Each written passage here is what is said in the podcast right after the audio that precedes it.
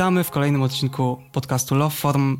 Mówię kolejnym, chociaż zawsze mam ochotę powiedzieć, kiedy to odcinek, bo już trochę tego jest i fajnie o tym Już wspominać. sami nie wiemy chyba. Ale właśnie zawsze sam przed nagraniem zapominam, a szczerze mówiąc nie chce mi się tego liczyć już, a nie mamy chyba żadnych danych, żeby tak szybko to sprawdzić, która to jest liczba, bo nie wiem, czy któryś dostawca, któraś platforma o tym mówi. W każdym razie jest to kolejny odcinek, także jest już tego bardzo dużo i zmierzamy do tej fajnej pięćdziesiątki. A oczywiście są ze mną Ania Hej, hej. Oraz Kajetan. Siemaneczko, cześć. I w dzisiejszym odcinku po raz kolejny wracamy do recenzji, czyli dość stałego cyklu w tym podcaście. I chyba bez zbędnego przedłużenia możemy przejść po kolei. Schemat jest taki, że my z Anią mamy po, dwa, po dwie recenzje, czy dwie i pół, bo Ania jeszcze ogólnie o całym ekosystemie, ale to w swoim czasie opowie. I Kajetan, w zależności od tego, co będzie się chciał jeszcze od nas dowiedzieć, to będzie nas dopytywał. Także myślę, że od razu możemy przejść, chyba że ktoś ma jakąś anegdotkę. A kurczę, trochę mnie zaskoczyłeś tutaj w tym momencie, bo jestem przyzwyczajona, że ty masz zawsze na anegdotki. A, to widzisz, to trzeba być zawsze przygotowany. Kurczę, Piotrek, a ty nie masz anegdoty? No ja miałem mieć. W sumie pamiętam, jak mówiłem, że na ten sezon trochę ich będzie, ale zawsze mamy tak ściśle sprecyzowane tematy odcinków, że ciężko tak coś wrzucić zupełnie spoza.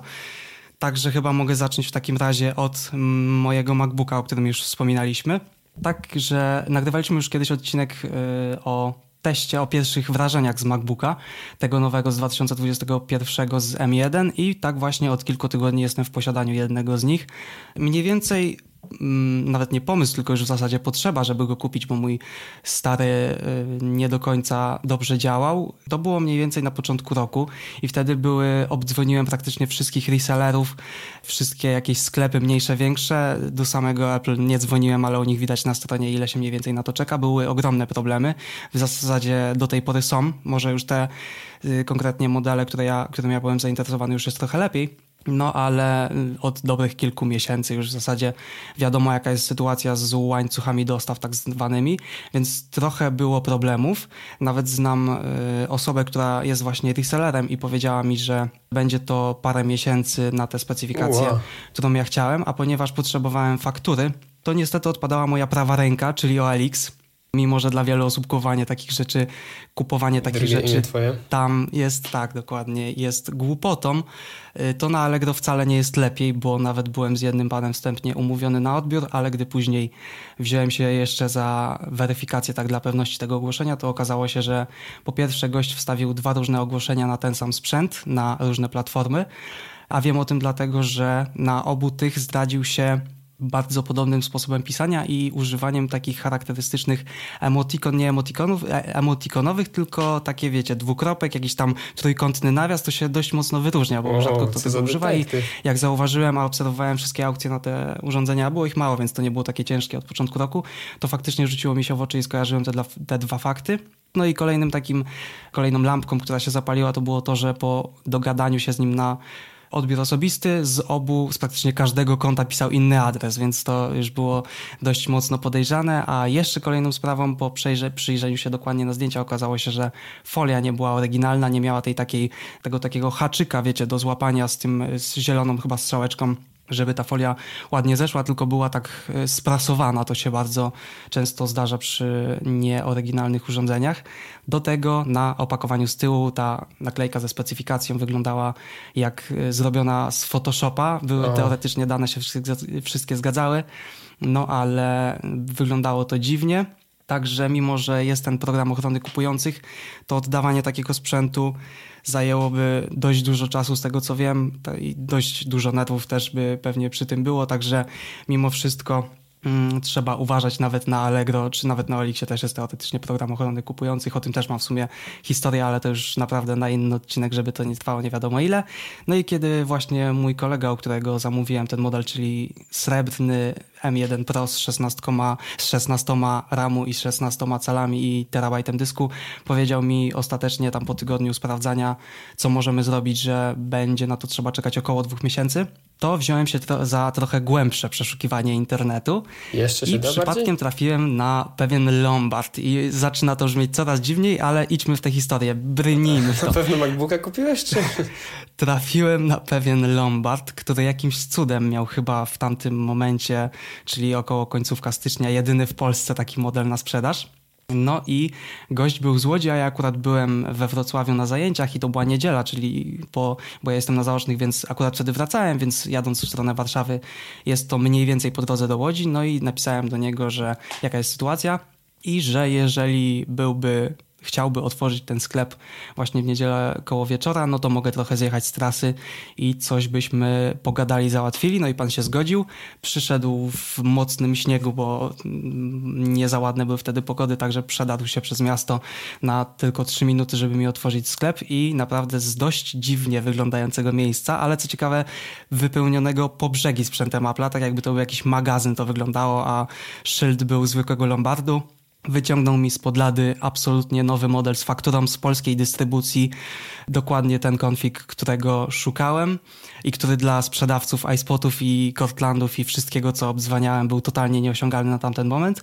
No i właśnie rozpakowując go gdzieś na stacji benzynowej na obwodnicy Łodzi, żeby sprawdzić, czy faktycznie kupiłem to, co mniej więcej chciałem, czyli czy to jest laptop, czy się włącza i jak wygląda system. I czy nie ma Windowsa przypadkiem? Y, no, to myślałem, że to będzie właśnie idealna historia zakupu na podcast, bo oczywiście, że można zamówić sobie przez Apple i w zasadzie niedawno temu bym go dopiero dostał, także nie polecam absolutnie tej metody szukania takich rzeczy. Ja nawet nie to, że jestem jakimś specjalistą, po prostu bardziej lubię takie coś robić, tym bardziej znaleźć dość nieosiągalny model, no ale y, może bardzo wiele rzeczy pójść po drodze, także mi się udało. I a propos używania, to rozpakowałem go wtedy. Okazało się, że wszystko działa, wróciłem do domu i zacząłem z niego korzystać. No i nie będę się tutaj rozgadywał na zbyt wiele rzeczy, dlatego że bardzo wiele z tego, co powiedziałem wtedy w odcinku o pierwszych recenzjach, y, jest aktualne dalej i to, co mówiłem, nie zmieniłem na te rzeczy zdania. Jedyne, co chcę powiedzieć, to chyba o dosłownie na trzech rzeczach się skupię.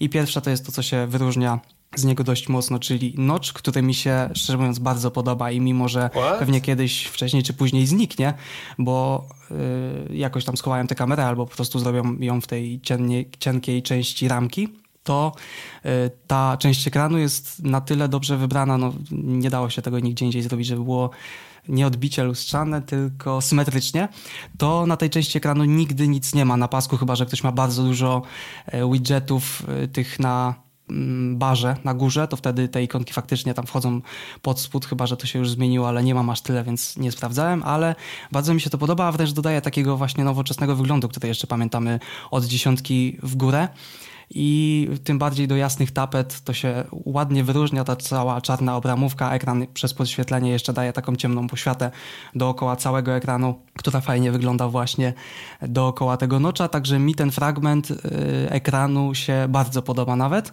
i Kamera, która jest w nim, też jest bardzo ładna. Nie mam zbyt często okazji z niej skorzystać, ale zawsze jak się łączę i sobie porównuję, jak to mniej więcej widać z iPhone'a, z przedniej kamery, a tutaj, to mam wrażenie, że jest naprawdę dużo lepiej. Także tutaj zdecydowanie na plus. Druga sprawa to touchbar, za którym tęskniłem dokładnie przez około 0 dni. Mm. Nigdy nie miałem sytuacji, w której bym, by mi się nawet przypomniał i takiego czegoś, że akurat teraz chciałbym go do czegoś użyć. Wtedy wspominałem zawsze, że go lubiłem do omijania reklam gdzieś na YouTubie, ale to mnie też zmotywowało, szczerze mówiąc, do wykupienia sobie w końcu YouTube Premium, Okej. więc problem, jak to mówią niektóre podcasty, zalałem pieniądzem po prostu i już go nie mam i nie mam z czego przewijać, także sam touchbar w zasadzie do tego mi tylko służył. Nigdy nie korzystałem z tych customowych aplikacji, z tych customowych aplikacji do układania sobie jakichś skrótów, bo na to od tego też używam klawiszowych i tych wbudowanych, które się na przykład otwiera Photoshopa, czy jakieś notatki, to też w zasadzie wolę jakiś command ten, otworzyć nowe okno, nowy dokument, niż klikać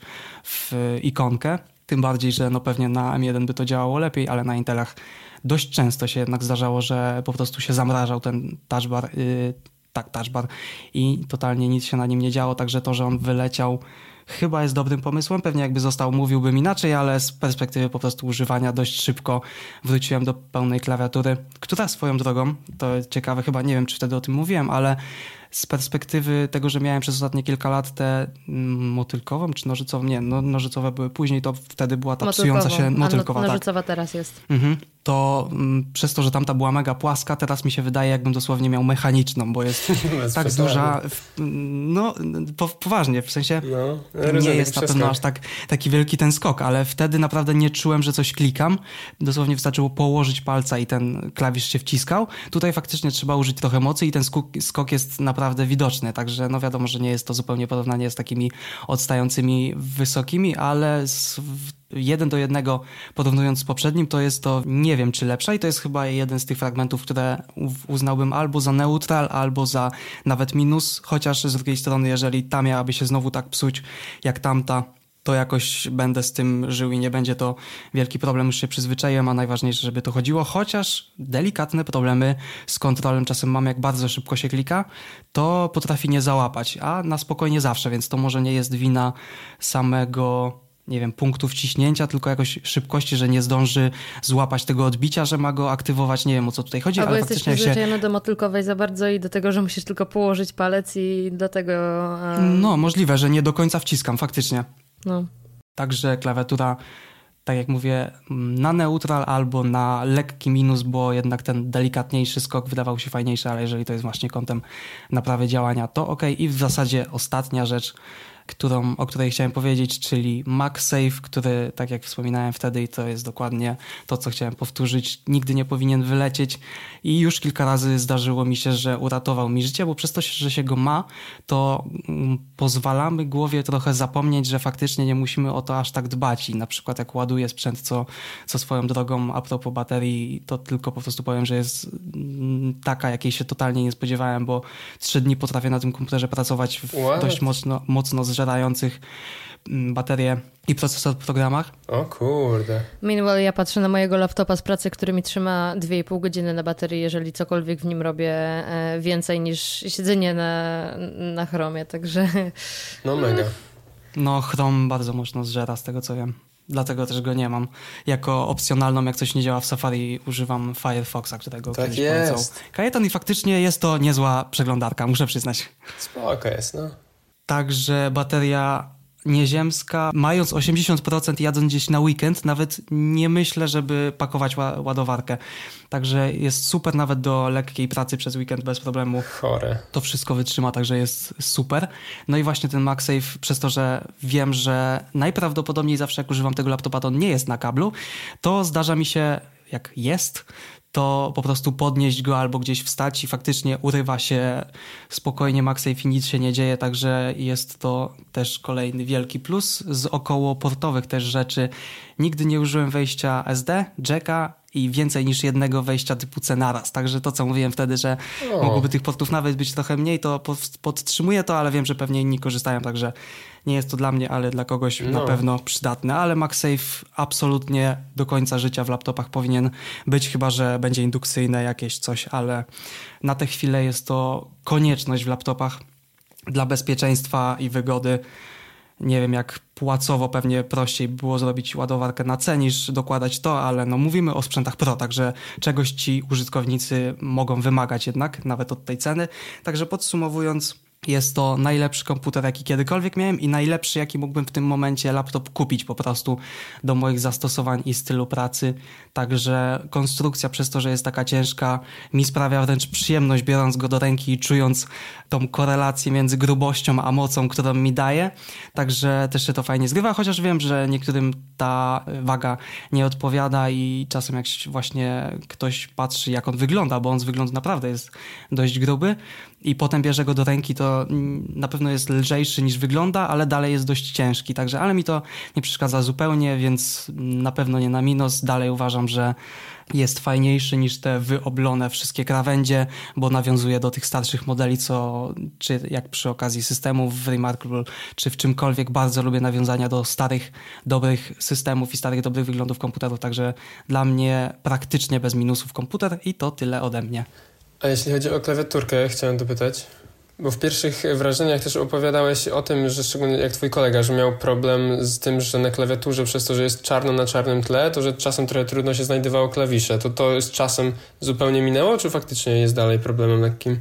Mm, to znaczy, to było problemem dla niego. W no. sumie zapomniałem go spytać, a też okay. wiem, że ma tego laptopa już kilka miesięcy, bo dla ciebie przede mną, więc y, około czterech miesięcy, więc mogę go przy następnej okazji zapytać, czy coś mu się zmieniło. Ja, gdyby on mi o tym nie powiedział, nigdy bym nie pomyślał, że mógłbym taki problem mieć. Mam zaznaczoną opcję, żeby mi się podświetlała zawsze, czy to jest dzień, czy noc, także może też to trochę daje, że i tak mhm. klikam po prostu w lampkę, która się wygasza po pięciu sekundach, żeby też jak cokolwiek puszczam, żeby od razu zgasła, ale ale przy użytkowaniu zawsze widzę klawisze, więc nigdy by to nie był dla mnie problem w sumie. I Spoko. nawet uważam właśnie przy okazji, że tak jak wtedy, że jest to bardzo ładne, taka ciemna, ciemny fragment dołu.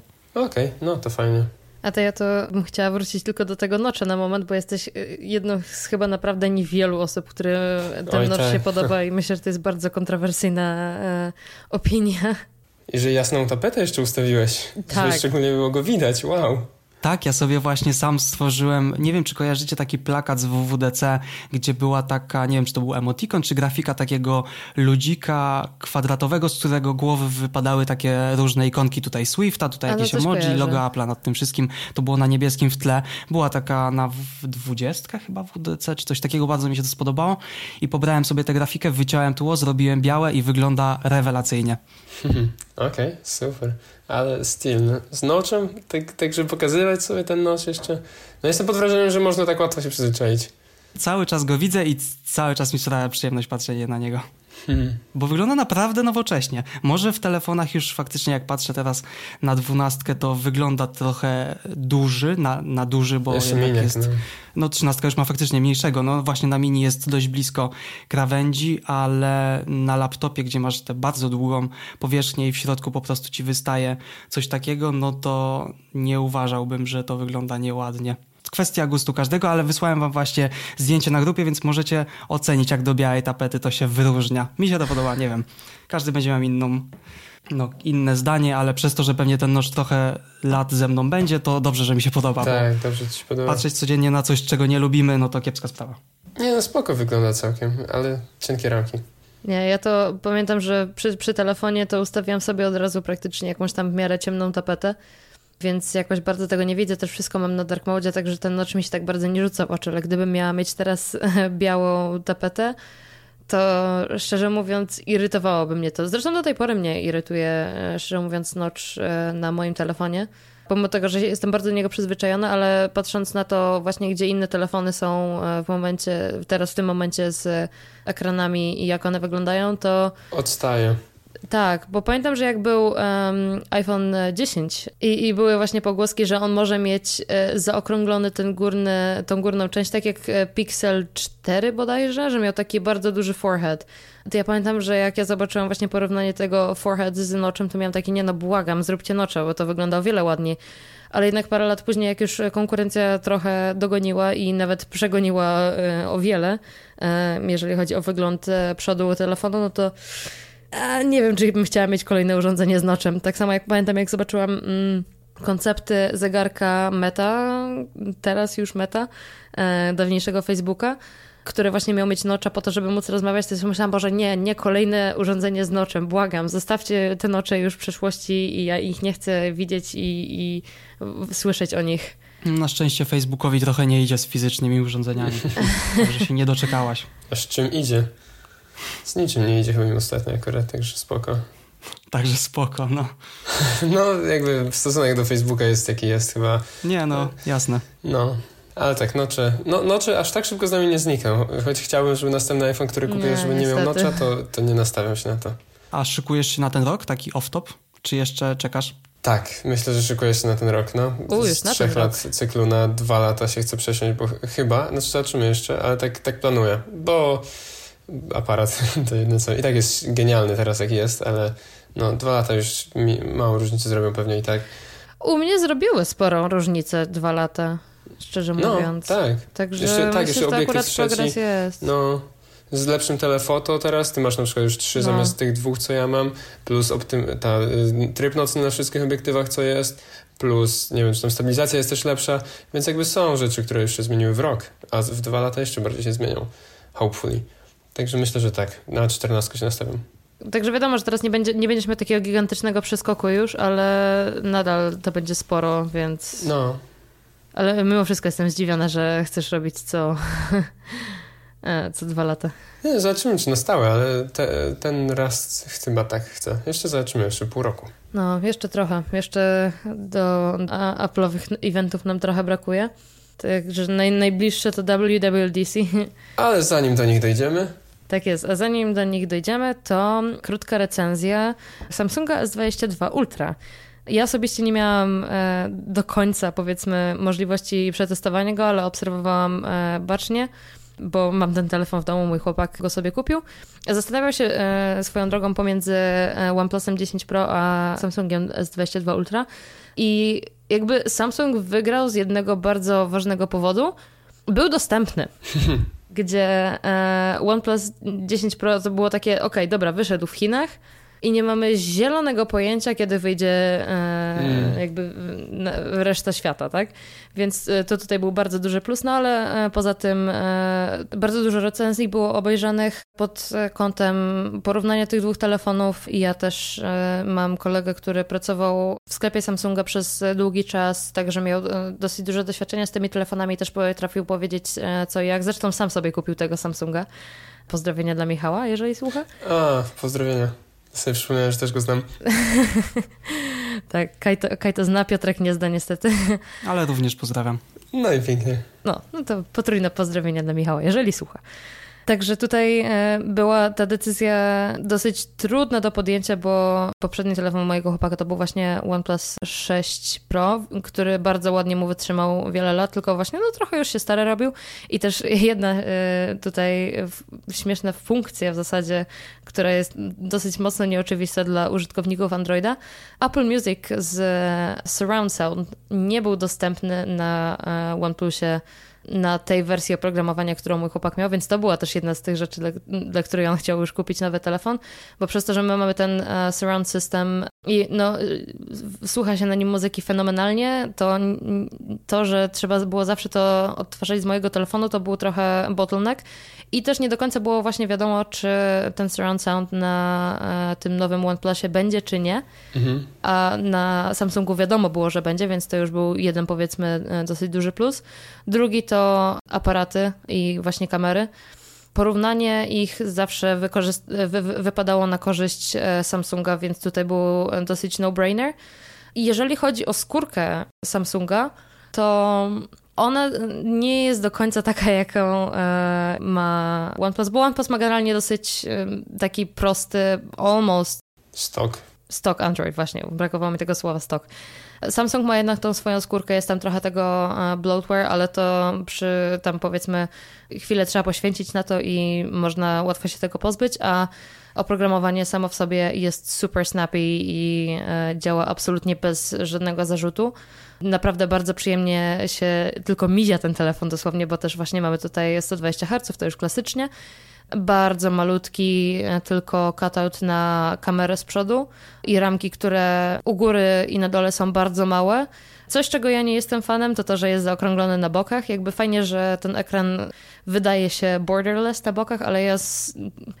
nie, kurczę, no nie jestem fanką e, specjalnie zaokrąglonych ekranów w telefonie, chociażby dlatego, że ja już i tak mam problem z tym, że większość telefonów dla mnie jest za duża i jak jedną ręką obsługuję, to gdzieś tam mi się zawsze jakieś miskliki robią nawet na moim telefonie, a co dopiero na tym Samsungu, ponieważ jak sama nazwa wskazuje, jest ultra i jest ultra duży.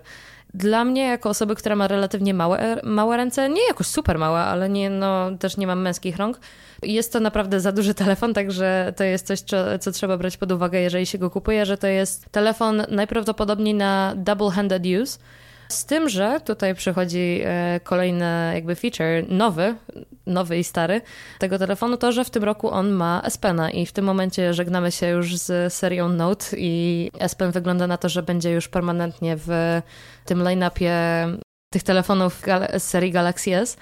I muszę przyznać, że naprawdę fajnie się tym rysuje slash pisze, bo przez to, że właśnie oni obniżyli ten um, response time, to jest to naprawdę bardzo naturalne, czy pisanie, czy rysowanie czegokolwiek e, jest naprawdę bardzo przyjemne, tak jak już powiedziałam. I... A mogę mieć do tego jedno pytanie? Si. Bo zawsze się właśnie mówi, że no wygodne pisanie, czytanie. Jak często w skali na przykład miesiąca to jest używane? Mój chłopak używa tego bardzo często, szczerze mówiąc. Ja jestem zaskoczona, że, że widzę go tak często z tym S Penem. Miło się go używa.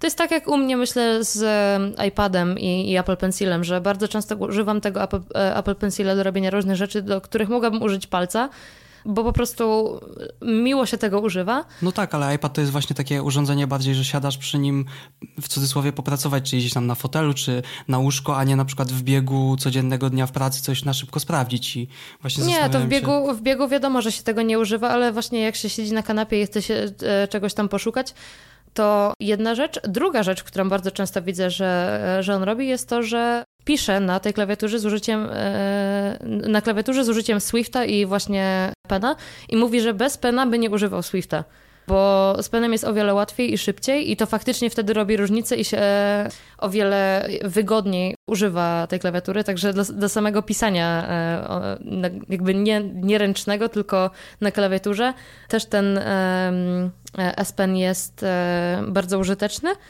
I jest też kolejna kwestia, że on ma, e, że ma wbudowanych bardzo dużo dodatkowych funkcji, czyli jakieś tam podświetlanie, highlightowanie różnych rzeczy, zaznaczanie, e, screenshoty, jakby jest bardzo dużo tej dodatkowej zawartości, która właśnie sprawia, że to nie jest tylko stylus, y, żeby coś tam precyzyjnie kliknąć, tylko faktycznie jest dodatkowa wartość y, w tym espanie jakby wbudowana. Także tu jeżeli ktoś właśnie lubi sobie usiąść i coś tam porobić na telefonie, a nie tylko używa go właśnie gdzieś tam do muzyki albo do odpisania na jakąś wiadomość szybko gdzieś tam w biegu, to myślę, że to jest coś bardzo fajnego i właśnie dla takich ludzi, którzy cenią sobie produktywność, to myślę, że jest to bardzo fajna opcja, żeby e, tego pena gdzieś tam mieć. Ja osobiście e, mam tabletę z e, pensilem i więc wiem, jaka jest wartość dodana tego mniej więcej. Także myślę, że jeżeli ktoś faktycznie szuka czegoś takiego, no, na przykład powiedzmy zastanawia się pomiędzy wybraniem iPada mini. Nie kupujcie iPada mini. Z Apple Pencilem. Tak, to już słyszeliśmy na tym podcaście. tak. A, a tym telefonem to myślę, że naprawdę jest y, milion razy więcej tutaj argumentów, jeżeli chodzi o, y, o tego Samsunga. Kamery są świetne, tak jak już mówiłam, z głównej kamery jak się nawet przybliża tylko digital zoomem, to y, jakość obrazu jest absolutnie świetna. To jest jednak 108 megapikseli, bardzo duża matryca, także ciężko by było, żeby nie były dobrej jakości te zdjęcia. A to jest ten z tym stukrotnym zoomem? Bo nie pamiętam, który to był model. Co stukrotny zoom już kiedyś się pojawił. No tutaj chyba jest też. Ten jest stukrotny, bo on ma dziesięciokrotny optyczny i wtedy z tego można zrobić stukrotny. Ten stukrotny jest taki ledwo do użytku, to jest tylko na zasadzie jak Na tyle, chcesz... żeby cokolwiek dojrzeć. Tak, dokładnie. Trzydziestokrotny jest nawet używalny, muszę powiedzieć, no bo to jest tylko trzykrotny zoom, y, krop z dziesiątki, także to jest tutaj ok. Dziesiątka sama w sobie jest jakby spoko, jeżeli się człowiek za bardzo nie przygląda tym zdjęciom, no to myślę, że bardzo ładne wychodzą, ale to tak samo jak z budget e, phones, nie? że jak się, jeżeli się za bardzo człowiek nie przygląda, no to te zdjęcia są naprawdę fajne, ale jeżeli już człowiek robi ten e, pixel peeping, no to już nie jest aż tak do końca pięknie wszystko ale też trójka wcale nie jest tak dobra, to trzykrotny zoom. Myślę, że jeżeli chodzi o trzykrotny, to iPhone cały czas wygrywa w tej kategorii. Są po prostu bardziej ostre zdjęcia, zwłaszcza w night mode. Bardzo się zdziwiłam, że e, w night mode z trójki bardzo często lepsze zdjęcia wychodzą niż, z, w sensie z trójki w iPhone'ie niż z trójki w Samsungu. To e, było bardzo konsystent. Wydaje mi się, że po, e, przez to, że nie ma wystarczająco dużej, um, boże, aperture, przesłony? Wystarczająco małej, jakby tej małej liczby na, przesłonie nie jest w stanie wystarczająco dużo światła wpuścić, przez co te zdjęcia z, e, tutaj e, robię takie wirtualne quotation marks, z tego trzy, trzykrotnego zooma, e, jak robi zdjęcia, to robi tak na dobrą sprawę zdjęcia z głównego sensora i po prostu robi crop, także nie do końca tutaj może być porównywalna jakość wtedy. Ale generalnie poza tym Night Mode jest świetny. Stabilizacja jest super, ale myślę, że cały czas w wielu sytuacjach wolałabym iPhone'a przez to, że wygląda trochę naturalnie. Ten zoom, e, e, nie zoom, tylko ta stabilizacja na Samsungu jest e, świetna, ale jest trochę jakby zbyt bardzo, jeżeli wiecie o co mi chodzi, że jakby to nie jest już naturalne takie, że jak ktoś idzie, to minimalnie się to buja tylko jest, i jest wystabilizowane, tylko to jest takie kompletnie jakby się szło z... E, z tak, ze steadicamem, więc to nie jest do końca czasami coś, co... Najgorsze, co się może pojawić, to taki pływający ekran po rogach, ale to już jest wtedy taki największy poziom hamstwa w tej, w stabilizacji po prostu klatki są podopasowywane, rozciągnięte i tak z, nie wiem jak to tam się y, dokładnie nazywa, ale te przejścia są takie, że wszystko ci zaczyna pływać. To bardzo źle wygląda. To, tego pływania nie widzi się aż tak bardzo, tylko niektóre, te niektóre klatki się tak dosyć mocno trzęsą, bo właśnie jest to takie, e, nie chcę powiedzieć, że chamskie, po prostu bardzo mocne wystabilizowanie na totalnie sztywno. I dlatego jego dosłownie czysty artystyczny wybór. Cały czas wolę stabilizację z iPhone'a, aczkolwiek muszę przyznać, że e, bardzo blisko już się do takiego tego mojego taste zbliża, no ale to co, co kto woli, więc e, jeżeli ktoś e, chce nagrywać wideo w 8K, co też jest moim zdaniem cały czas gimmick i ja any day wybiorę 4K w 120 klatkach niż 8K w 24 czy 30, w zależności od kto z jakiej szkoły jest. 4K 120 jest na Samsungu?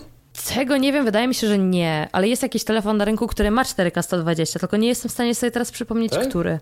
Coś wyszło. Nie wiem, czy to nie jest któryś z, z jakichś właśnie Sonych, czy Oppo, czy jakichś innych takich, wiecie, bardziej niszowych, e, nowych telefonów. Sony chyba już nie robi telefonów. Chyba, że właśnie zaczął, to nie wiem. E, robią, tylko nikt o nich nie wie. Ale robią. Jakieś tam. Chyba cały czas jeszcze. Robią Xperia swoje różne. Czasem jak PhD coś o nich wspomni.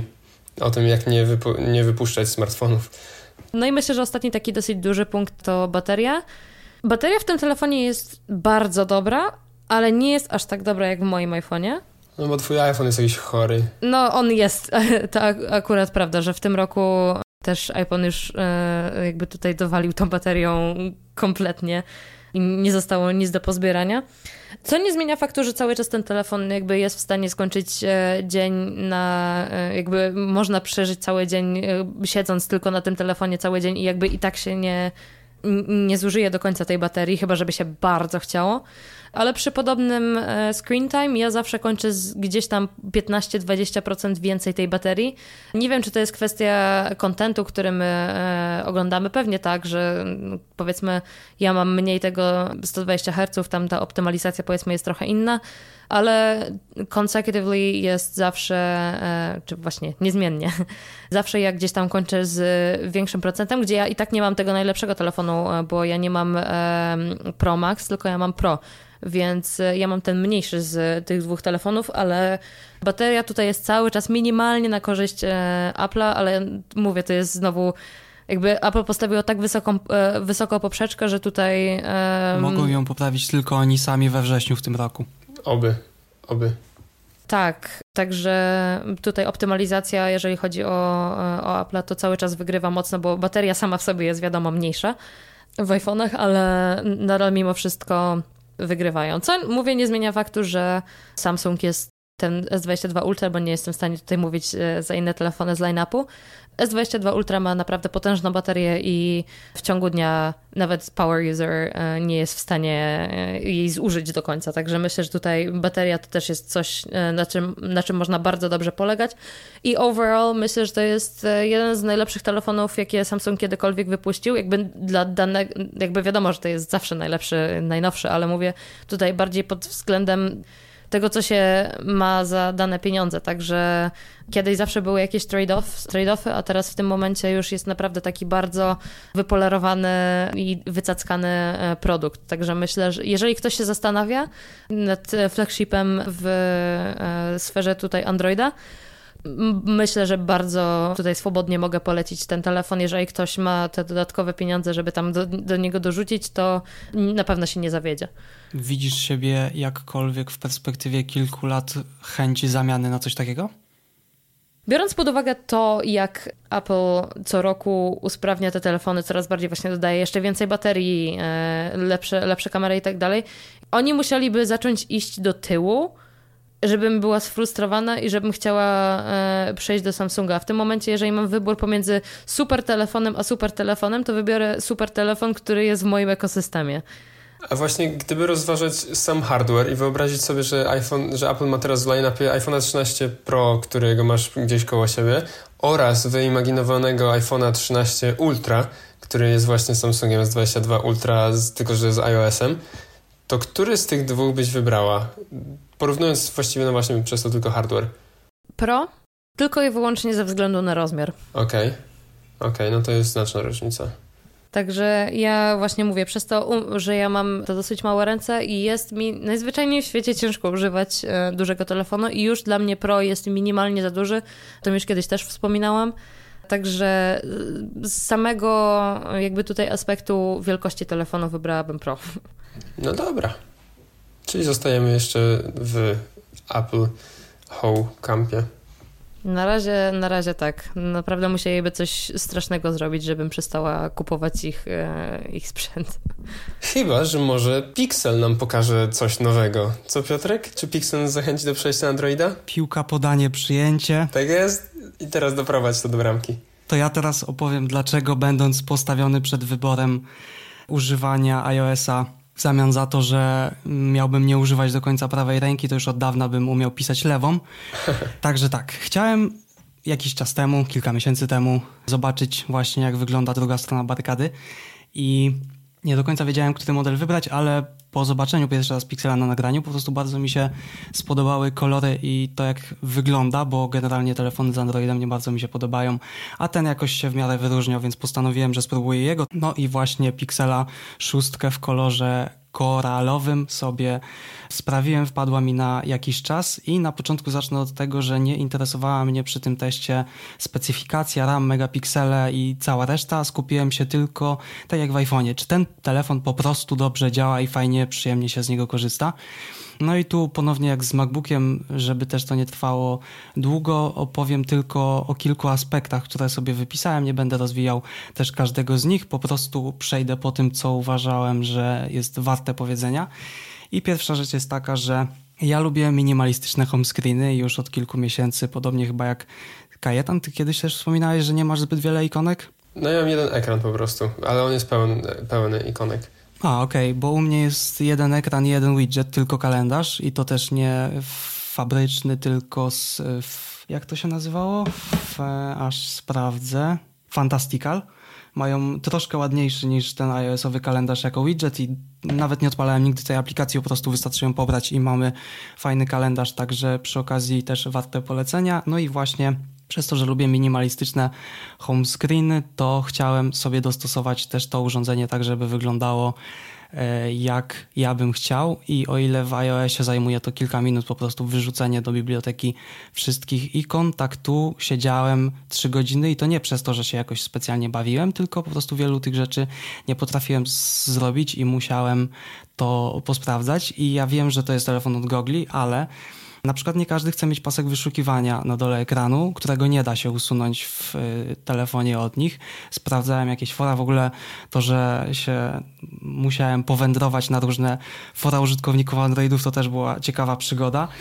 No ale właśnie postarałem się dowiedzieć, czy da się, tego, da się to usunąć i okazało się, że są oczywiście, znaczy wejść w ustawienia i wyłączyć tej opcji, jak człowiek się nie da. Trzeba zainstalować na przykład dodatkowy launcher, czyli e, zawsze mówiło się, że na iOSie nie da się zrobić wielu rzeczy, a Androida można dopasować w 100% pod siebie i częściowo oczywiście jest to prawda, ale jeśli to customizowanie w paru przypadkach ma wiązać się z pobieraniem zewnętrznych launcherów od wątpliwych deweloperów z wątpliwego pod kątem bezpieczeństwa sklepu, z, ja się nie zalogowałem na żadnego mojego maila, stworzyłem po prostu mail, używam pixela małpa coś tam.com. Super. Także żaden ten. Moje konta nie wiedzą, że miałem taki telefon. Po, pobierałem sobie kilka rzeczy z tego sklepu, no ale troszkę szkoda, żeby sobie dopasować naprawdę, żeby na tym ekranie. Oczywiście inne Androidy mogą mieć zupełnie co innego. Ja tylko mówię teraz o tym przypadku, bo to jest jedyny Android, którego od 7 czy tam 8 lat używałem, także trochę szkoda, że musiałem się cofnąć, nie wiem, do 2011 roku, w którym trzeba pobierać jakieś dziwne skutki, żeby pozbyć się po prostu jednego paska, żeby go nie było, bo go nie chcę. Także z perspektywy tego to było troszkę słabe i to legendarne personalizowanie każdej części systemu w moim przypadku głównie polegało na wyłączeniu wszystkiego, co jest niepotrzebnie automatycznie włączone. I patrząc na to, gdyby osoba starsza kupiła taki telefon, y, nie wiem właśnie jak z innymi Androidami, to nie dziwię się, że musiałaby iść do wnuczka czy kogokolwiek, bo out of the box ma powłączane tyle zbędnych rzeczy, których nawet ja nie do końca wiedziałem, bo w ustawieniach jest y, krzak za krzakiem pełno, pełno ustawień od wszystkiego, także starsi ludzie naprawdę mogą mieć problem z dostosowaniem sobie rzeczy, których nigdy nie będą używali i których nie wiedzą jak wyłączyć pod siebie, także nie dziwię się, że powstało coś takiego jak opcja dodatkowego skonfigurowania urządzenia po zakupie, tak jak jest czasem z jakimiś telewizorami czy routerami, to z telefonami jest dokładnie tak samo i już chyba wiem dlaczego. No i właśnie jeśli y, chodzi o system, czy Ania może masz jakąś swoją też na ten temat swoje zdanie, jak to jest w Samsungu, bo też nie wiem po prostu, czy są tam rzeczy, które są by Samsung włączone i są niepotrzebne w jakiś sposób? Jest trochę mm, jakby bloatware, e, ale myślę, że to nie jest jakoś strasznie dużo tutaj przy, przy, instalacji tych e, rzeczy, których by się nie chciało. Samsung tam jakoś cały czas e, walczy z tymi googlowskimi aplikacjami, żeby mieć swoje aplikacje, ale to jest jakby odinstalowanie ich to jest kwestia paru minut. Nie wpadło mi nic jakoś specjalnie w oko, jeżeli chodzi o ustawienia włączone, które jakby są tylko i wyłącznie wkurzające i jakby są tam, bo, bo ktoś stwierdził, że tak będzie lepiej nie, nie było żadnej takiej frustracji e, tego typu e, jakby związanej. Także myślę, że tutaj po stronie Samsunga jest to trochę lepiej rozwiązane, tak jak z tego, co teraz słyszę, e, mówisz. Także myślę, że tu jest w miarę okej. Okay. No dobra, to z, o samym systemie w takim razie też mm, ostatni raz to powtórzę, że mówię o systemie, który jest na tym modelu, chociaż o właśnie y, go, y, Pixelach mówi się, że mają tego tak zwanego czystego Androida i moje ogólne przemyślenie na temat tego systemu jest takie, że uważam, że jest to brzydki design, który udaje być ładny. I już tłumaczę dlaczego, bo tak można sobie rzucać hasłami bez sensu i wykłócać się, co trwa od wielu lat, ale moim zdaniem jest bardzo dużo, bardzo dużo takich mikrododatków, które nie do końca wiem po co weszły. Znaczy wiem, bo teoretycznie miały ładnie wyglądać, ale to często sprawia, że całość nie robi zbyt dobrego wrażenia. Jest pełno takich mikroanimacji, które też znamy z iOS-a, jak na przykład pociągnięcie od dołu, żeby włączyć wszystkie ikony w momencie, gdy wszystkie ikony, wszystkie włączone aplikacje, to tutaj, gdy przesuwamy nie pamiętam jak to było, też od dołu, albo jest jakiś przycisk od tego, to jest dość podobna animacja. I właśnie jest czy takie, czy jakieś rozmycia, przejścia między aplikacjami są niektóre bardzo podobne, tylko że jeżeli w półsekundowej animacji widzę laga przy co trzecim użyciu tej animacji, no to nie wygląda to dobrze i samo zaprojektowanie niektórych rzeczy przyprawia ciarki na przykład, yy, dobra, to do tego zaraz, a jeszcze powiem tylko, że jedną z najbrzydszych rzeczy w tym systemie i to chyba na każdym Androidzie jest tak samo, są emotikony. Są a, absurdalnie, okropnie zaprojektowane, są brzydkie. No. Emotikony są słabe na Androidzie. I takim sztandarowym przykładem kiepskiego wzornictwa jest to, że właśnie gdy my przeciągamy palcem do góry, to widzimy otwarte aplikacje, a w momencie, gdy ich nie mamy, to pojawia się taki delikatny blur i to się wszystko rozmywa i wracamy do punktu, w którym jesteśmy, czyli do home screena bo jeżeli włączymy w aplikacji, to wrócimy wtedy do home screena, jeżeli mamy home screena i nie mamy włączonych żadnych rzeczy, po przesunięciu palcem do góry pojawia się taki mm, blur, blur, a tutaj mamy na cały ekran wywalony wielki komunikat. Nie ma uruchomionych w tym momencie żadnych kart i muszę dodatkowo sobie zamknąć ten komunikat. Bardzo dziękuję za tę informację, nie wiem po co ona jest, mogłoby się nie zadziać nic, chyba że właśnie no, nie będę tutaj chamski, że jeżeli by się nie zadziało nic, to może są otwarte, ale po prostu nie zadziałało. Ten komunikat jest kompletnie bez sensu, a często ja mam taką manię, tak jak mówiłem też o HomeKitie, że nie lubię zostawiać rzeczy na noc. Tak samo nie lubię zostawiać, co w przypadku iOS-a też nie jest najzdrowsze, ale nie lubię zostawiać rzeczy otwartych i bardzo często po prostu takim odruchem przed wyłączeniem telefonu jest wyłączenie wszystkich aplikacji i tutaj wita mnie komunikat, który muszę osobno gdzieś tam kliknąć, żeby zamknąć. Yy, także jest kilka takich rzeczy, nie będę też wszystkich mm, po prostu po kolei wyzna- punktował, ale ten system jest zaprojektowany tak, że oni chcieliby zrobić, żeby to było bardzo ładne tymi wszystkimi przejściami, ale nie do końca i niezbyt często, przynajmniej w tym przypadku to się udawało i naprawdę te niektóre przejścia między aplikacjami, co też się da zrobić, jeśli dobrze pamiętam, tak jak na iOSie przesunięciem na dole przejście między aplikacjami, no nie wygląda to tam zbyt płynnie i też nie byłem z tego jakoś bardzo zadowolony. I na przykład kolejną rzeczą, zostawiając to, jak to wygląda, jest to, że bardzo często się mówi, i to jest prawda w 100%, że rzeczy od Apple'a bardzo często myślą za nas i wiedzą, co my chcemy zrobić, przewidują wiele rzeczy, a tutaj nie synchronizowałem żadnych zdjęć, bo nie, właśnie to był nowy mail, więc nie chciałem nic przerzucać. I na przykład aplikacja aparatu ma coś takiego, że jeżeli nie mam internetu, a nie włożyłem tam karty SIM, to aplikacja zdjęcia y, chce coś sobie zrobić. I wyświetlał się cały czas jakiś komunikat, że po, a testowałem aparat, więc po prostu robiłem zdjęcie, wchodzę w galerię, komunikat, brak internetu, synchronizuj zdjęcia. Kliknę, nie teraz, nie interesuje mnie to w tym momencie, zamknij się i mi o tym nie przypominaj i wchodząc ponownie po 10 sekundach po zrobieniu zdjęcia, ten sam komunikat mi mówi, że nie mam dalej internetu. I czuję się, jakby ten telefon robił ze mnie idiotę na każdym kroku, dlatego że po wielu bardzo aplikacjach dostaję te same komunikaty przy każdym ich uruchamieniu. Klikam, tam jest OK, zrób to, czy tam nie teraz.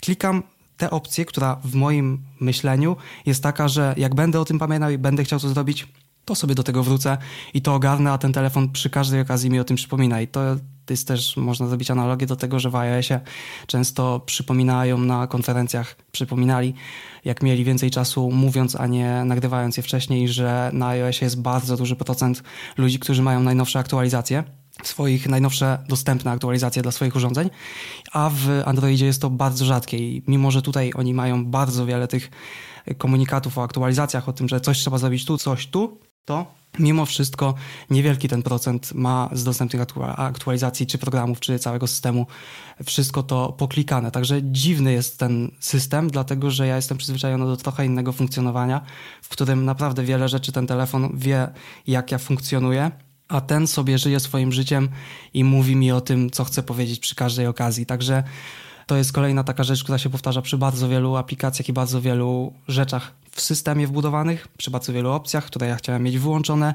a byłem nimi straszony przez dwa tygodnie użytkowania, dlatego że ten telefon mogłem mieć na miesiąc, ale po dwóch tygodniach go odesłałem. Także jeszcze tylko wracając do aparatu, Porównując do mojej ósemki, tu, e, ósemki dwunastki, tutaj jest y, ok. Za, bardzo w zależności od trybu, miejsca czy ilości światła robią, mm, czasem robi to lepsze, czasem ten telefon, także ogólnie mm, bardzo fajny aparat. iPhone daje trochę za dużo pomarańczowego często, a Pixel z kolei niebieskiego, więc mm, druga strona tabeli kolorów i też zauważyłem, że Pixel, chociaż to też w przypadku Samsungów też często się słyszy, że i chyba możesz, nie możesz Ania się wypowiedzieć, że bardzo dużo, trochę za dużo saturacji dodają te aparaty. To od lat było mówione, no, o Samsungach. Tak, to jest coś, co też zauważyłam e, w Samsungu, że te zdjęcia jakby są mniej edytowalne, co wielu ludziom może się właśnie podobać, że jakby one już od razu są takie nice and punchy. Um, Mhm.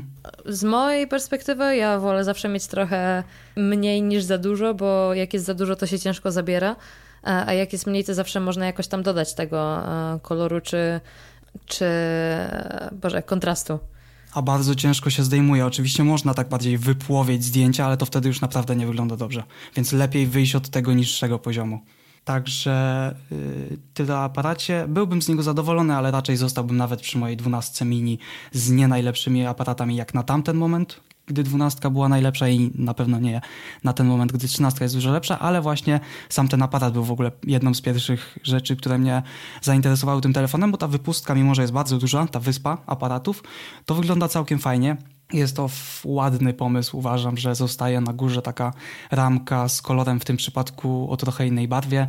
Zostawiamy trochę przestrzeni i dopiero ten centymetr czy ileś niżej ta wyspa jest po całej długości. Nawet widziałem jakieś koncepty czternastki, ale one jak zawsze są mniej albo bardziej wiarygodne, ale ta wersja ten koncept iPhone'a, który miał cały taki pasek podłużnie y, obiektywów, też mi się całkiem podoba i tutaj to wygląda ok. Jedyna, jedyny minus tego jest taki, że ta wyspa jest naprawdę duża i się wydaje po wzięciu do ręki te, tego telefonu że jest taki toporny i ciężki, co też w sumie jest y, trochę prawdą, ale to tutaj absolutnie nie mówię, że ten telefon jest toporny i ciężki, dlatego że po prostu ja mam 12 mini, więc dla mnie jest on bardzo lekki i bardzo mały, więc po prostu gdybym wziął 13 Maxa Pro Maxa to mówiłbym dokładnie to samo. No i yy, szczerze mówiąc, miałem jeszcze parę rzeczy zapisane na temat tego telefonu, ale uznałem później jeszcze sobie myśląc na jego temat i też na temat innych Androidów, bo też nie można oceniać całego systemu, czy nawet producenta pod kątem jednego telefonu, ale że daruję sobie te niektóre rzeczy i chciałem tylko o tych, o których powiedziałem, na taki, o takich najbardziej ogólnych powiedzieć bo potem się właśnie mówi, jak będziemy sobie tak wytykali z jednej na drugą stronę błędy, chociaż ja bym posłuchał kogoś, kto przez ostatnie kilkanaście lat używał Androidów, a przeszedł się na iOS-a i może będę miał taką okazję porozmawiać z taką osobą, bo po kilku dobrych latach przekonywania pewnego koleżkę udało mi się już prawie przekonać, bo czas na niego przyszedł, bo ma już kilkuletniego Samsunga i następnym jego telefonem już prawie wiem, że będzie iPhone, więc też jestem bardzo ciekawy tego, co powie, więc parę informacji od niego mm, powyciągam. A dziękuję. Ten, jak to dobra nowina poszła dalej. No i właśnie nie będę rzucał kolejnymi minusami. Kiedy prowizja od Tima Cooku? Słucham? Kiedy prowizja od Tima Cooka dla ciebie? A, no tak, ten program lojalnościowy. Dokładnie. Także nie będę więcej minusów konkretnie tego telefonu wywalał, bo te kłótnie między fanboyami, których się potem nazywa, są trochę bez sensu. Ja po prostu tego telefonu bym nie kupił, nie chciałbym go używać dłużej. Odesłałem go dużo wcześniej, bo po prostu po tych dwóch tygodniach już posprawdzałem mniej więcej to, co chciałem i nie miałem potrzeby już nic więcej mieć z nim wspólnego, także y, sam telefon konstrukcyjnie jest całkiem fajny, przyjemny, fajnie spasowany i ok się go trzyma w dłoni, natomiast system, który jest w środku nie ma to żadnego sensu, bo to jest po prostu podcast taki hobbystyczny, recenzyjny, ale ja go po prostu nie polecam. Nawet do 1000 zł kupiłbym totalnie inny telefon, a w zasadzie to, tak jak mówiłem przy teście, nie przy teście, tylko przy podsumowaniu konferencji, gdzie wyszedł SE 3, to powiedziałem tam wtedy, że wolałbym używać czego? A, SE3 właśnie niż topowych Androidów, no to w tym przypadku mogę tylko powiedzieć, że wolałbym używać iPhone'a 8 niż tego telefonu. Jestem zbyt przyzwyczajony do tego, że nawet wsadzony w ósemkę system wie dokładnie jak ja żyję, co ja od niego oczekuję i spełnia to w 100%. Rzeczy hardware'owe to już jest następny temat, ale gdy pada software, to mnie nic więcej nie obchodzi, a tutaj software nie jest na najwyższym poziomie i zawsze polecam to samo, czyli nawet jeżeli mamy do 1000 zł telefon, nie wiem, poszukajmy iPhone'a 10, do 2011 już się powinno kupić. Zawsze to, co mamy najwyższego w budżecie od iOS-a powinno zadowalać osoby, które nie mają jakichś totalnie najwyższych wymagań. Także no więcej na ten temat nic nie mam do powiedzenia, chyba że jakieś pytanko się pojawi. Byłem zadowolony z tego, że mogłem to przetestować, bo zawsze można w cudzysłowie obrażać w ciemno, ale jak się tego faktycznie poużywało, no to jest to jakkolwiek potwierdzone i miałem z tym styczność. Szybko nie będę tego raczej powtarzał, chyba że jakiś inny producent to sobie może porównam. Natomiast to, co miałem jakoś w głowie, po wielu latach nieużywania, słuchania i patrzenia jakoś gdzieś tam jednym okiem, jak wygląda tamten świat, wiele rzeczy się potwierdziło i no fajnie, że Apple poszło zupełnie inną drogą w wielu tematach. Miałem e, kiedyś e, w notatce zapisany cytat, który Steve Jobs kiedyś powiedział o Windowsie i o jego wyglądzie, ale to już sobie może daruję. Nie byłem zadowolony z tego telefonu. iPhony są super. No i w końcu brzmi to jak nasz podcast. Mm, to jedna taka rzecz, którą tak w zasadzie mi przyszła na myśl przy tej całej twojej recenzji jest to, że e, wydaje mi się, że Google trochę za bardzo próbuje jakby zrobić ten telefon um, idiot proof, że bo, wydaje mi się, że po prostu na każdym kroku ludzie nie będą mieli zielonego pojęcia, co się dzieje. I tak właśnie tak jak mówiłeś, że jest ten e, Synchronizacja aparatów to mnie najbardziej denerwowało, bo testuję sobie do niewłożonego, nie, niewłożonej karty SIM w telefonie aparat, wklikam sobie cały czas, żeby zobaczyć zdjęcie, które przed chwilą zrobiłem i cały czas wywala ten sam błąd. Tak, i właśnie mam wrażenie, że y, jest takiego trochę za dużo mm, martwienia się o tym, że użytkownik nie zrozumie, co dana rzecz robi, albo co dana rzecz jakby oznacza. I jest za mało takiego dania tej swobody, że takie, dobra, masz jakąś intuicję i e, jesteś w stanie używać tego telefonu jakoś tam. Jakby ludzie mają tą niesamowitą umiejętność, która nazywa się uczenie się. I jakby ludzie są w stanie ogarnąć, czy nawet wygooglać czasami, dlaczego, dlaczego coś w jakiś sposób działa. Więc myślę, że e, ja bym postawiła intuicyjność any day over e, idiot proofing. Ja jestem ciekaw, czy te wrażenia by się zmieniły po dłuższym czasie użytkowania, no bo jednak Google całkiem dobrze sobie radzi z algorytmami i z uczeniem się. Ale myślę, że to już źle świadczy o tym, że po kilku dniach użytkowania ja nie mam ochoty więcej z tego korzystać. No tak, ale to też może byłoby inaczej, gdybyś tam swoje dane wszystkie wrzucił. To znaczy na tym etapie mówisz pewnie o aplikacjach, które ja bym sobie doinstalował. No to tak, to raz. No tak, i w ogóle. Bo ja jestem to, właśnie wspominałem ostatnio, że mój telefon, przez to, że praktycznie mocno go chciałem ograniczyć, to naprawdę tutaj jest jakiś messenger, coś do kontaktu z innymi i także wiele rzeczy naprawdę nie miałbym nawet do dogrania, bo jak to się kiedyś mówiło i starsi ludzie, telefon służy do dzwonienia. No i w moim, mm. na moim etapie to poza YouTube'em ewentualnie dokładnie tak jest, więc wiele, a YouTube'a sobie tam zainstalowałem, więc naprawdę wiele rzeczy i tak bym już nie dograł, nawet gdyby to było moje na dłużej. No spoko. Spoko. Ja też bym był w sumie ciekaw kiedyś przetestować Androida, ale jakoś tak nie ma okazji na razie. No dobra. Czyli co, przeskakujemy do Galaxy Budsów. Tutaj e, recenzja wleci dosyć krótka i e, niespecjalnie ekscytująca, no bo jednak to są słuchawki, o których mówimy. I to nie są AirPodsy. Tak, i to nie są AirPodsy.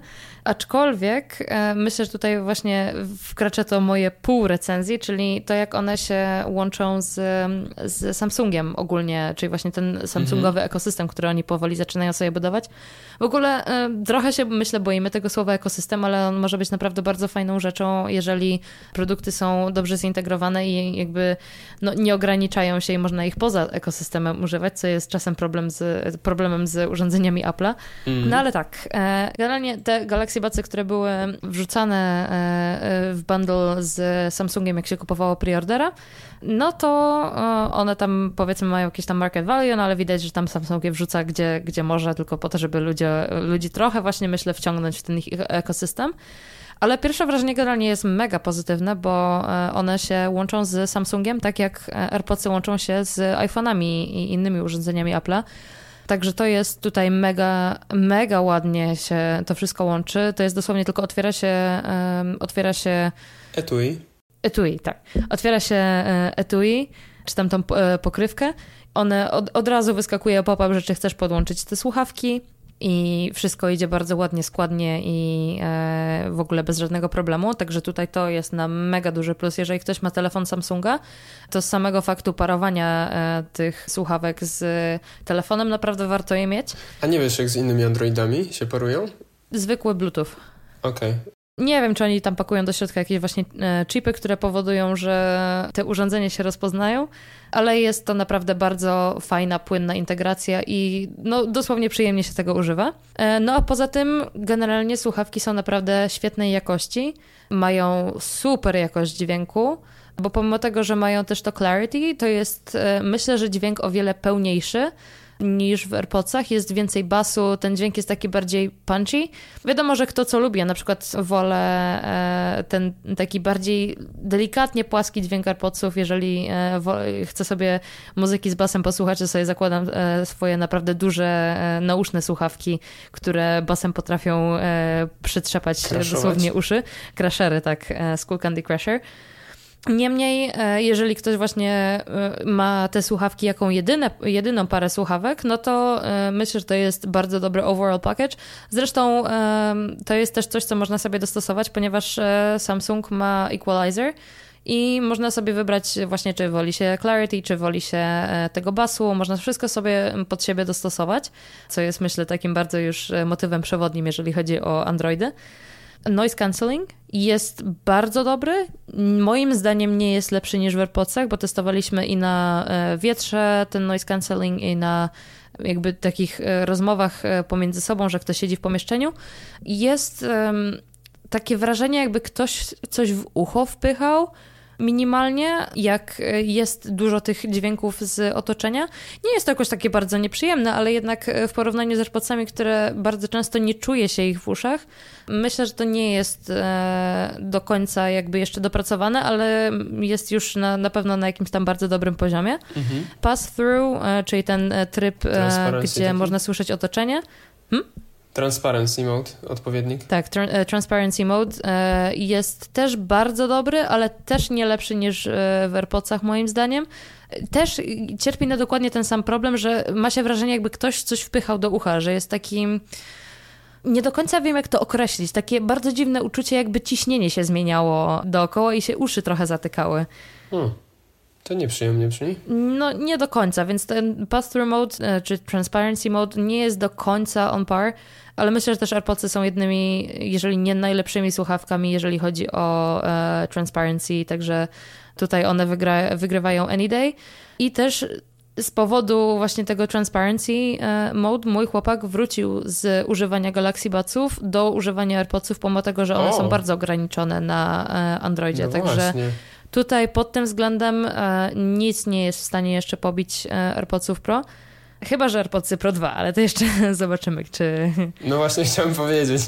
Tak, chyba spodziewamy się niedługo. No, no, no, ale na ten moment. Tak, także Tutaj to, no nie do końca jakby, jeżeli mówię, jeżeli to są czyjeś jedyne słuchawki, to myślę, że będzie cały czas zadowolony, ale jeżeli jest e, e, właśnie e, ktoś posiada obydwie pary słuchawek, to myślę, że tutaj AirPods zdecydowanie wygrywają.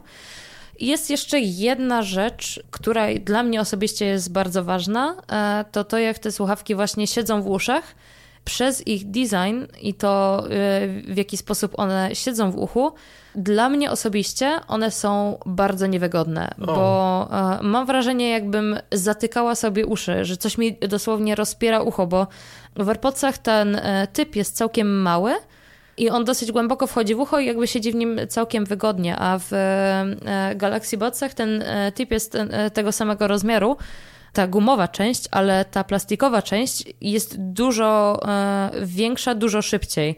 Także e, przez to właśnie, że oni wybrali ten kształt tych słuchawek bez... E, Stema tego... No. Właśnie bez stema, nie wiem jak jest stem po polsku. Łodyga. Kijek taki wystający. No. Jakby bez tej, bez tej części właśnie, która wystaje z ucha, tylko właśnie bardziej ten design, który e, jakby skupia się na tym, że te słuchawki siedzą w uchu, to e, myślę, że dla osób z relatywnie małymi uszami te słuchawki mogą być mocno niewygodne. Ja dosłownie po e, minucie nie byłam w stanie ich znieść, mm. ale też ja mam te małe, e, ja mam dosyć małe uszy. Rzekłabym nawet, że mam idealne aplowskie uszy, ponieważ mi AirPodsy te pierwszej generacji nigdy nie wypadały z uszu. Mogłam po prostu trzę, trzę, trząść głową na wszystkie strony, góra, dół, prawo, lewo, dookoła i one mi siedziały po prostu jak, nie wiem jak co, jak marzenie. No mo, mo, może jak marzenie, bo chciałam powiedzieć, że jak coś, wiesz, jak coś w czymś, ale e, nie, nie przyszło mi nic do głowy. Nie wiem, jak miecz Artura w e, Excaliburze czy coś. Ale on wyciągnął go potem. Nie, Excalibur, Excalibur to był ten miecz, nie? No i on w skale siedział, ale potem go wyciągnął. To, to nie wiem, czy dobry przykład, bo był wyciągnięty. Generalnie no, no, da się je wyciągnąć, nie? ale to nie jest tak, że one oh, wypadną, well, wypadną na e, jakby on their own. Mm -hmm. Także e, tutaj pod tym względem, jeżeli ktoś ma małe uszy, to myślę, że to jest rzecz warta rozważania, jeżeli ktoś się zastanawia nad tymi słuchawkami, bo tak jak te gumowe końcówki mają rozmiary, to same słuchawki już nie mają rozmiarów e, i mm -hmm. one mogą bardzo szybko się stać niewygodne. No i wtedy cały jakby purpose of the headphones y, idzie sobie gdzieś, bo jeżeli są niewygodne, to po prostu nie chce się ich używać. Także w tym momencie ja bym się tutaj rozejrzała trochę też za innymi e, słuchawkami, bo Samsung też ma trochę mniejsze e, takie douszne, dokanałowe słuchawki i myślę, że warto sobie na nie zwrócić uwagę, też jeżeli ktoś ma e, okazję wypróbować je w jakiś sposób, czy to od kogoś sobie po prostu je wziąć i, i włożyć do ucha i spróbować, myślę, że to jest coś, e, na co trzeba zwrócić uwagę, bo e, jeżeli słuchawki są niekomfortowe, to po prostu psuje tak naprawdę sprawę wszystko. Także no dla mnie, pomimo tego, gdybym miała Samsunga, i miała tą całą integrację, tak jak właśnie mam AirPodsy z Applem, to myślę, że cały czas wybrałabym jakieś inne słuchawki, nie te Galaxy Buds Pro, po prostu z tego względu, że one nie są najwygodniejszymi słuchawki, słuchawkami, przynajmniej dla mnie. No właśnie, to też każdy będzie miał inaczej, nie? Szczególnie, że mówisz, że tobie idealnie AirPodsy pasują. No, także e, jeżeli ktoś ma większe uszy, to myślę, że jakby tam na luzie, ale dla osób z mniejszymi uszami mogą, mogą być trochę niewygodne. Okej. Okay. Spoko. A są, one też mają też jakieś tam kontrolki, że zmienia się coś klikając y, którąś ze słuchawek? Tak, i w ogóle jeszcze dodatkowa rzecz, która jest bardzo śmieszna, jakby największą przewagą myślę jest e, to, że można zmieniać e, głośność e, na jak się w no lewą, właśnie, tak w lewą słuchawkę stuka, to się tam zgłaśnia, w, w prawą jak się stuka, to się zmniejsza, A. jak się dwa razy stuknie, to um, tam się zmienia piosenka i tak dalej. Ale to, co jest śmieszne w, ty w tych słuchawkach, że nie trzeba puknąć samej słuchawki, tylko można sobie pukać w małżowinę ucha. A, skór, okej, okay, okay. To jest takie funky, bo generalnie jak się tego używa sam samemu, no to jakby wie się, co się robi i jakby nie jest to dziwne, ale jak się patrzy na to z boku i widzi się kogoś, kto, się, kto sobie tam puka w tą małżowinę, to wygląda to no, co najmniej dziwnie. Także ja sama osobiście bym tego raczej nie używała w publicy, tylko bym sobie dalej tam stukała w te mm, e, słuchawki same w sobie. No ale też e, właśnie to samo stukanie generalnie w małżowinę też rozwiązuje ten problem, że nie wciska się dalej tej słuchawki w ucho, mhm. co właśnie tutaj jest też na korzyść AirPodsów, to że one mają ten stem e, i na nim jest kontrolowanie słuchawek przez co jakby jest nadal trochę większy komfort użytkowania. I to też zależy kto co woli, ale dla mnie osobiście jest to trochę lepsze rozwiązanie. Także Tutaj jest bardzo subiektywne, um, czy ktoś będzie lubił te słuchawki, czy nie. I mogę zapewnić, że jakość dźwięku jest świetna i też można ją dostosować pod siebie w zupełności. Także tutaj pod tym względem, jeżeli ktoś na to patrzy, e, w ogóle nie ma co się zastanawiać. Tylko mówię, trzeba się trochę, trochę czasu swojego trzeba spędzić nad tym, żeby dopasować mimo wszystko ten e, fit, e, jak to się mówi? Fit. Tip. Które z nich? Pity to jeszcze do końca kwietnia się składa. Nie, nie, fit, że e, jakby do, dopasow no, do, dopasowanie no, e, tak, słuchawek. Tak, także, dopasowanie brzmi e, idealnie. E, nie wiem na ile e, inne słuchawki od Samsunga z powiedzmy tej, e, z tych nowszych mają taką samą jakość dźwięku. Myślę, że tam nie będzie się jakoś bardzo różniło. Nie, mo nie mogę powiedzieć, bo nie testowałam, ale tak jak już powiedziałam wiele, wiele razy, trzeba na to mocno zwrócić uwagę. No tak, czyli jak ze wszystkim trzeba się dobrze zastanowić, czy to jest na pewno produkt dla nas po prostu, a na pewno jest grupa ludzi, dla których to będą świetne słuchawki i jest grupa ludzi, dla których niekoniecznie. I jeszcze coś po środku pewnie. No wiadomo, tak jak powiedziałeś, jak z każdym produktem. To jest i chyba to jest całkiem ładne podsumowanie, myślę, tej recenzji, która swoją drogą, Anuk, bardzo dobra była i um, próbuj, całkiem dobre kroki wziąłeś, żeby dzisiaj dotrzymać kroku również Piotrkowi, naszemu master recenzentowi. Starałam się. Pięknie. I zanim ten master recenzent się z wami przy, przywita, pożegna, pożegna z przeszłości, to jeszcze my się pożegnamy w takim razie chyba i zaprosimy na Twittera, bo tak, to już jest końcówka naszego dzisiejszego odcinka. A na Twittera zapraszamy, gdzie znajdziecie nas pod tagiem Love for Podcast. Tam się możemy widzieć, a na pewno możemy się też słyszeć w następnym odcinku, gdzie będziemy znowu wszyscy razem. Ale w sumie ja kończę, miałem oddać Piotrkowi do zakończenia. E, Piotrek, take it away. Tu Piotrek z przyszłości, jeszcze wróciłem do odcinka, żeby go zamknąć, dlatego że musiałem po mojej recenzji Pixela zniknąć do końca, bo trochę mnie czas gonił, ale na szczęście przez to, że montuję ten odcinek, to wszystko to, co powiedziała Ania, jeszcze sobie nadrobiłem. Także dziękujemy za słuchanie tego odcinka i żegnamy się wszyscy we trójkę. Ania. Na razie. Kajetan. Cześć. I ja dziękujemy za słuchanie. Do następnego odcinka.